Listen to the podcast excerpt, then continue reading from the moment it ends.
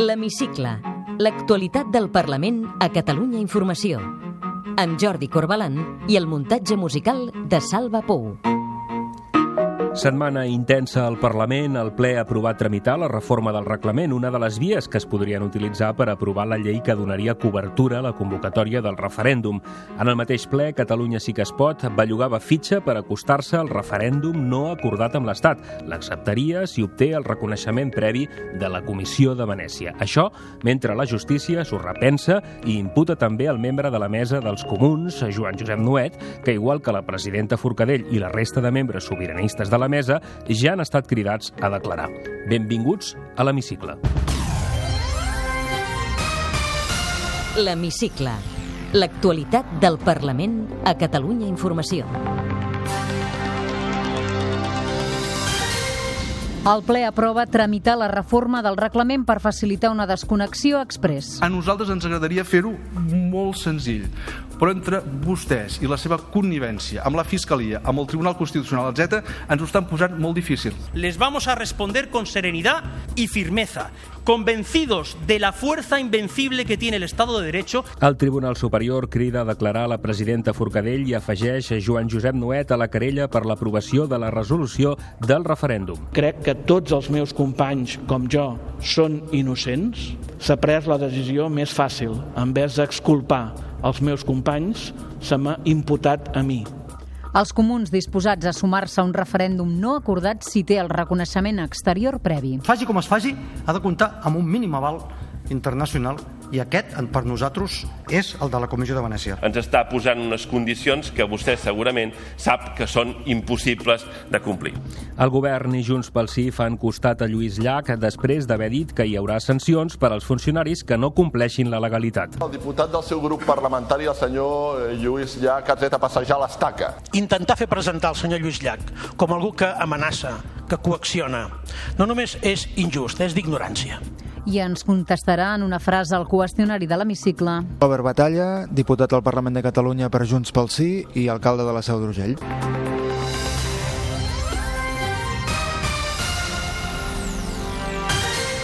El ple del Parlament aprovava dimecres tramitar la reforma del reglament de la cambra que possibilita l'aprovació express de la llei per convocar el referèndum. La majoria independentista de Junts pel Sí i la CUP van tombar les esmenes a la totalitat de la resta de grups. Ho expliquem amb Carme Montero.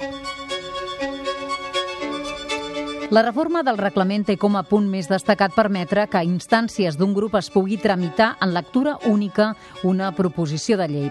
Això vol dir que se sotmetria a votació en el ple d'aquest procediment express i si el ple ho aprova a la mateixa sessió, es podria fer el debat i la votació de la llei.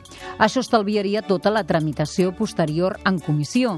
Aquesta prerrogativa de sol·licitar tramitacions de lleis en lectura única ara només la té el govern. Jordi Turull, de Junts pel Sí, i la Copaire Anna Gabriel van admetre que, encara que no és l'única via possible, la reforma pot servir per aprovar la llei de transitorietat. A nosaltres ens agradaria fer-ho molt senzill, però entre vostès i la seva connivència amb la Fiscalia, amb el Tribunal Constitucional, etc., ens ho estan posant molt difícil. Difícil que no vol dir impossible, perquè ho farem i ho farem possible. Si a nosaltres ens cal una lectura única per tramitar la llei de referèndum, assumim i diem ara que sí.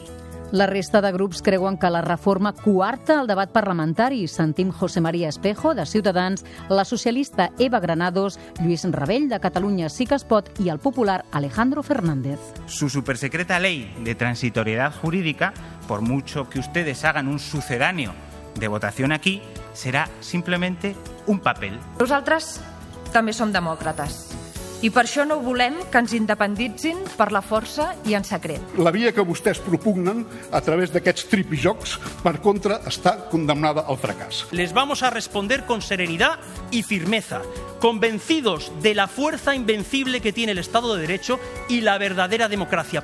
Ara la reforma del reglament s'ha de continuar tramitant en comissió parlamentària.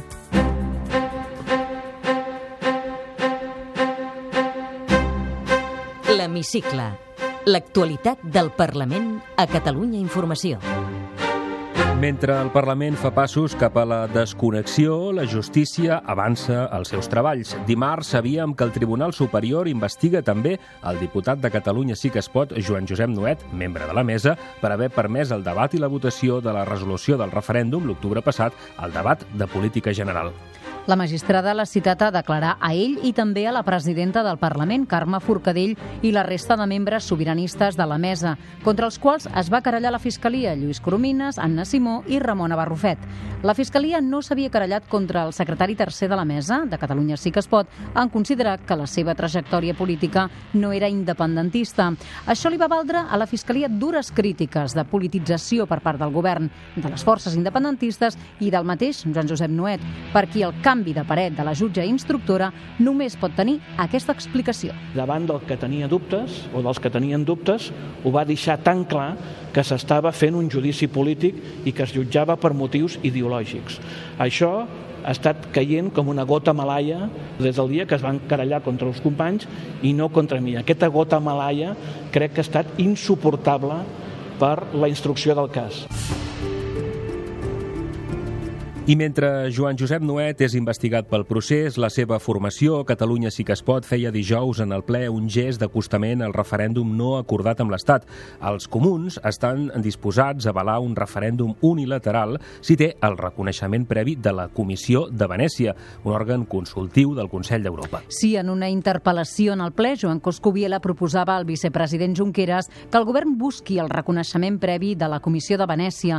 El govern celebra que els comuns s'acostin al referèndum referèndum o referèndum, però es mira amb escepticisme la via que proposen. Sentim Coscubiela i la rèplica del vicepresident Junqueras. L'emplacem a que el govern faci seva la proposta d'acudir ja a la Comissió de Venècia per aconseguir el seu aval a la convocatòria del referèndum per la via que està establerta amb el seu propi reglament.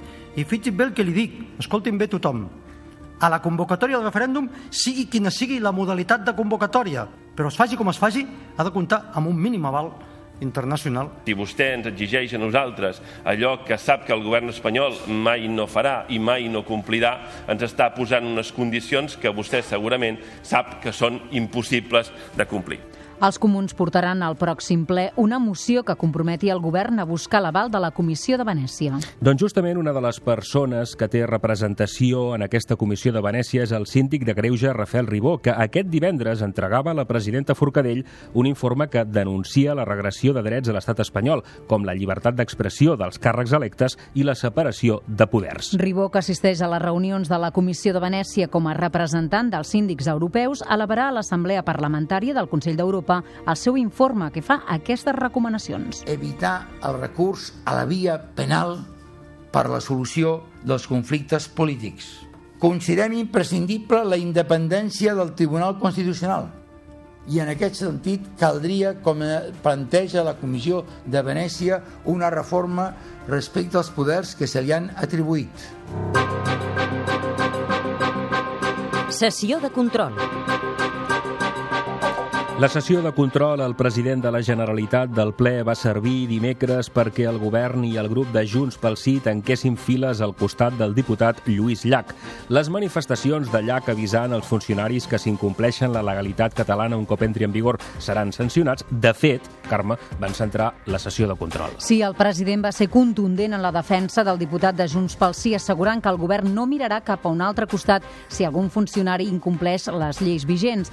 Aclarit això, Carles Puig Puigdemont va replicar amb duresa al popular Xavier García Albiol, que havia acusat Lluís Llach d'amenaçar els funcionaris. Sentim-los. El diputat del seu grup parlamentari, el senyor eh, Lluís Llach, ha tret a passejar l'estaca. Quin tipus de sancions té previst el seu govern en els funcionaris que no vulguin aplicar l'autonomenada llei de desconnexió? Suposo que no està suggerint que aquest govern miri cap a un altre costat quan un funcionari o un servidor públic no faci cas de les lleis que estan vigents. Les autonomenades llei de desconnexió no són eh, lleis democràtiques, és un eh, cop d'estat literal. Intentar fer presentar el senyor Lluís Llach com algú que amenaça, que coacciona, no només és injust, és d'ignorància.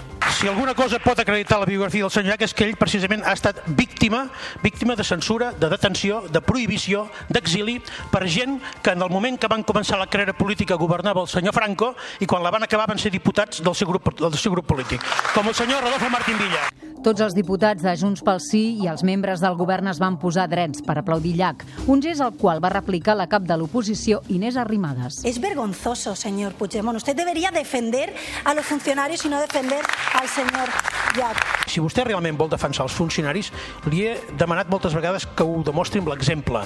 Per exemple, quan parla dels funcionaris d'ensenyament que els respecti una mica més i que respecti l'aplicació de la llei, que, que respecti l'aplicació de la llei d'educació, la llei d'immersió lingüística. D'altra banda, el president va acotar una mica quan tindrem data i pregunta del referèndum. Ho va fer responent a una pregunta del socialista Miquel Iceta, que també va demanar al govern que no amenacin els funcionaris. I li prego, no amenacin els funcionaris, no ens amenacin a tots amb la inseguretat jurídica, el xoc de legitimitats i la, i la inestabilitat institucional que es derivarà de tot aquest tripijoc que no ens porta enlloc. I els únics amenaçats, cregui'm, s'asseuen en, aquest, en aquests escons d'aquí. Els únics que hem rebut amenaces som nosaltres. Quan pensa convocar el referèndum amb quina pregunta i quins preparatius concrets estan ja en marxa. No hi ha una data que jo estigui amagant, no està presa la decisió, sinó hi ha unes dates que poden ser útils a la decisió que hem de prendre. Pel que fa a la pregunta és exactament el mateix, però sí que pel que fa a quan eh, penso anunciar o quan pensem anunciar, li reitero que crec que d'altres vegades, abans de marxar de vacances, haurem anunciat data i pregunta.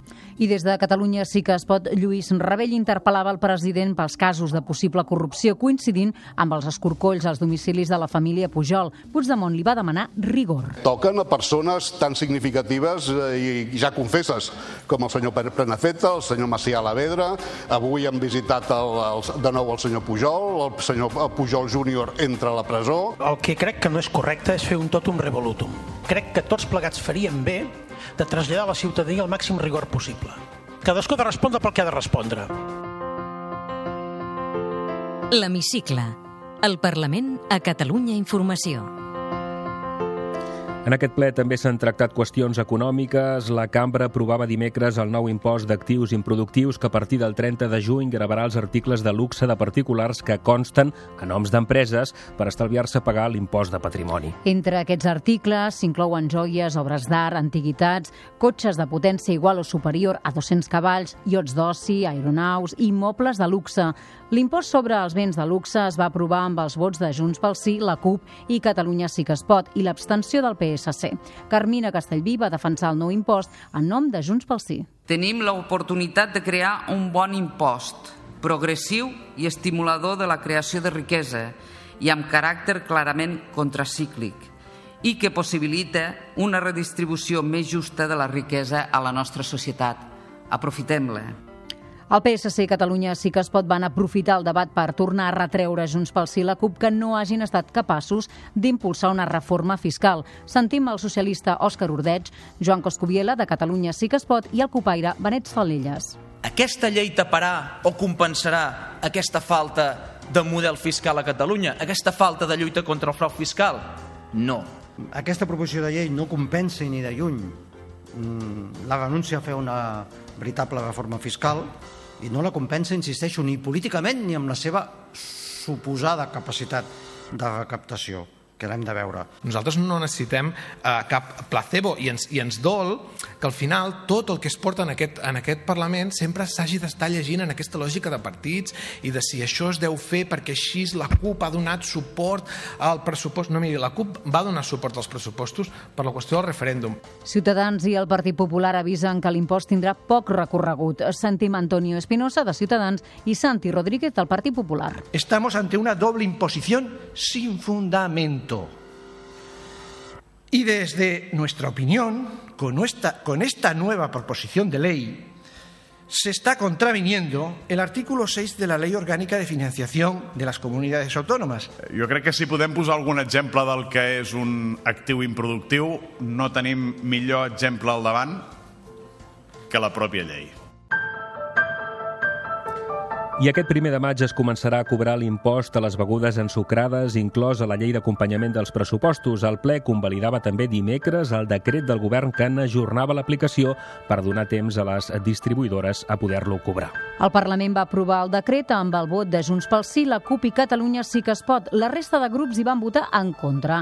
Sentim la socialista Alicia Romero i la copaire Eulàlia Reguant. Per què no podem fer un reglament d'aquí tres mesos i aplicar-ho bé, sense incerteses i amb seguretat jurídica? Doncs miri, perquè vostès no saben fer les coses millor, sincerament, i perquè la CUP els apreta, els apreta, els apreta, i vostès són incapaços de quadrar-se i dir, prou, fem les coses ben fetes. La CUP no ens deixa o la CUP els apreta, els apreta, els apreta, perquè jo crec que a vegades se'ns atribueixen, per sort o per desgràcia, masses poders, i en aquest cas qui apreta, apreta, apreta són les distribuïdores i tornen a ser, evidentment, els interessos d'uns pocs i no els de la CUP. El nou impost gravarà les begudes ensucrades entre 8 i 12 cèntims al litre. El govern preveu una recaptació anual de 41 milions d'euros. L'hemicicle. Una qüestió d'especial sensibilitat social. El Parlament ha començat aquesta setmana el tràmit per demanar al Congrés dels Diputats la despenalització de l'eutanàsia. La iniciativa amb el suport de Junts pel Sí, el PSC, Catalunya Sí que es pot i la CUP proposa la reforma del Codi Penal per despenalitzar l'eutanàsia i l'ajuda al suïcidi. Sentim la diputada de la CUP, Gabriela Serra, defensant el text i la popular Marisa Xandri argumentant l'esmena a la totalitat del seu grup que va ser rebutjada. És obvi que si de Catalunya depengués, cap persona trobaria un obstacle per al dret a exercir el seu dret a una mort digna. Ras i curt. El que nosaltres defensem és que cal eliminar el dolor, no eliminar a la persona que pateix dolor. Ciutadans es va abstenir en la votació. Quatre diputats del PDeCAT no van participar-hi malgrat que eren a l'hemicicle perquè creuen que la qüestió mereix un tractament més profund, més enllà de la revisió del Codi Penal. I el Parlament aprova per unanimitat instar el govern a presentar una nova llei catalana de prevenció de residus. La moció presentada per Catalunya Sí que es pot proposa generalitzar el sistema de recollida porta a porta i recuperar la taxa d'escombraries a tots els municipis. Comuns i copaires es van quedar sols defensant el punt de la moció que demanava la destitució del director de l'Agència de Residus, Josep Maria Tost, perquè la seva gestió, asseguren, ha fet retrocedir la recollida selectiva. En la majoria de punts, però, tots els grups votaven en bloc a favor d'una normativa que busca actualitzar la gestió de residus a Catalunya. La diputada de Catalunya Sí que es pot, Hortència Grau, va defensar el text. Malgrat els rifirrafis que puguem tenir aquí, lo important és que estem tots en línia, Generalitat, Ajuntaments, àrea metropolitana, per caminar cap a aquest objectiu. El PDeCAT i Esquerra van evidenciar diferències sobre les plantes de tractament de purins i van votar de manera diferent en un punt de la moció que instava a prohibir la combustió tèrmica de residus en aquestes plantes. Té la paraula Soc l'Albert Batalla, diputat al Parlament de Catalunya per Junts pel Sí i alcalde de la Seu d'Urgell. En una frase. Referèndum o referèndum? Referèndum és l'única manera en els països civilitzats de resoldre els problemes. Les urnes i, en definitiva, buscar l'opinió general de la gent per veure cap on orientar el país en els propers anys. I quan tindrem data i pregunta? El president va dir fa poques hores, justament en la sessió de control d'aquesta setmana, que abans de l'estiu tindríem data i pregunta.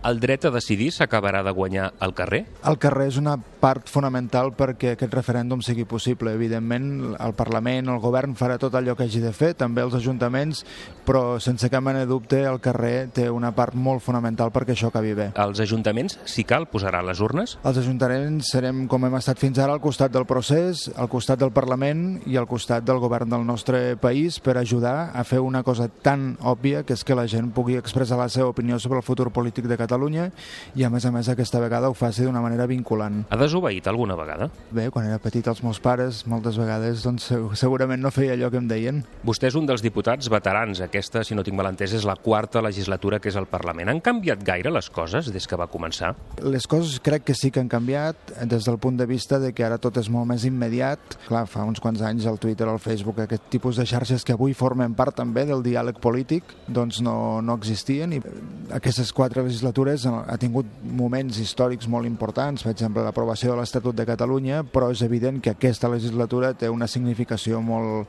molt potent des d'un punt de vista històric i més si ets algú independentista i si ets algú que vol que la gent s'expressi lliurement a les, a les urnes. Un referent polític. Els meus companys regidors a l'Ajuntament de la Seu, que són gent molt pencaire i que cada dia alcen la persiana perquè la ciutat estigui el millor possible.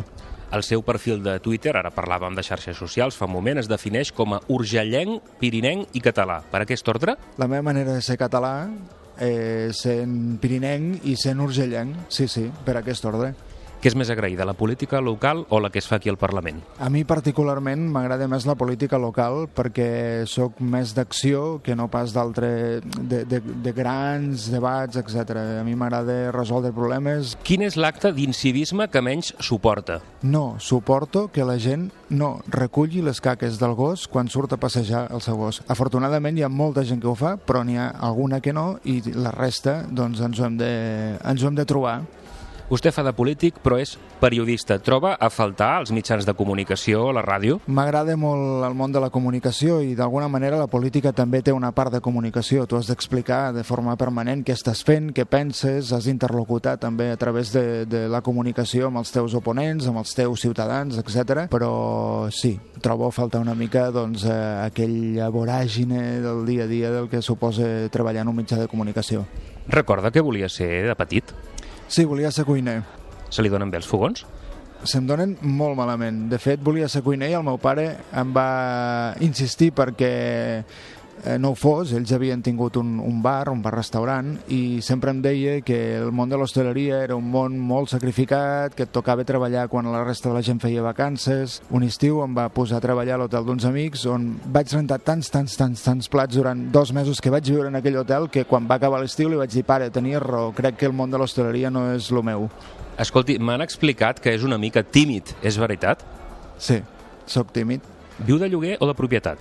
Visc al pis dels avis, eh, per tant, de propietat on s'escapa quan vol desconnectar del tot? No em cal anar massa lluny. De vegades és qüestió de calçar-se unes bambes i a 5 minuts a la seu començar a córrer pel mig del bosc, que és una manera fantàstica de desconnectar i a més a més molt saludable. Ara que acabem de passar Sant Jordi, recomani'ns un llibre. Un llibre que no és novetat d'aquest any, però que és un dels que més m'ha marcat en els últims temps, és eh, La voluntat de comprendre del Xavi Antic. Quina música prefereix per arrencar a ballar? Com et deia abans, soc bastant tímid, però alhora sóc una mica dansaire, llavors m'és igual. Qualsevol música, si és, si és una música bona, de qualitat, doncs em serveix per arrencar-me a ballar. Si anem a la seu, què no ens podem perdre? Faci d'alcalde. No us podeu perdre la única catedral romànica de Catalunya, la catedral de Santa Maria del segle XII, una perla i una joia fantàstica del romànic català.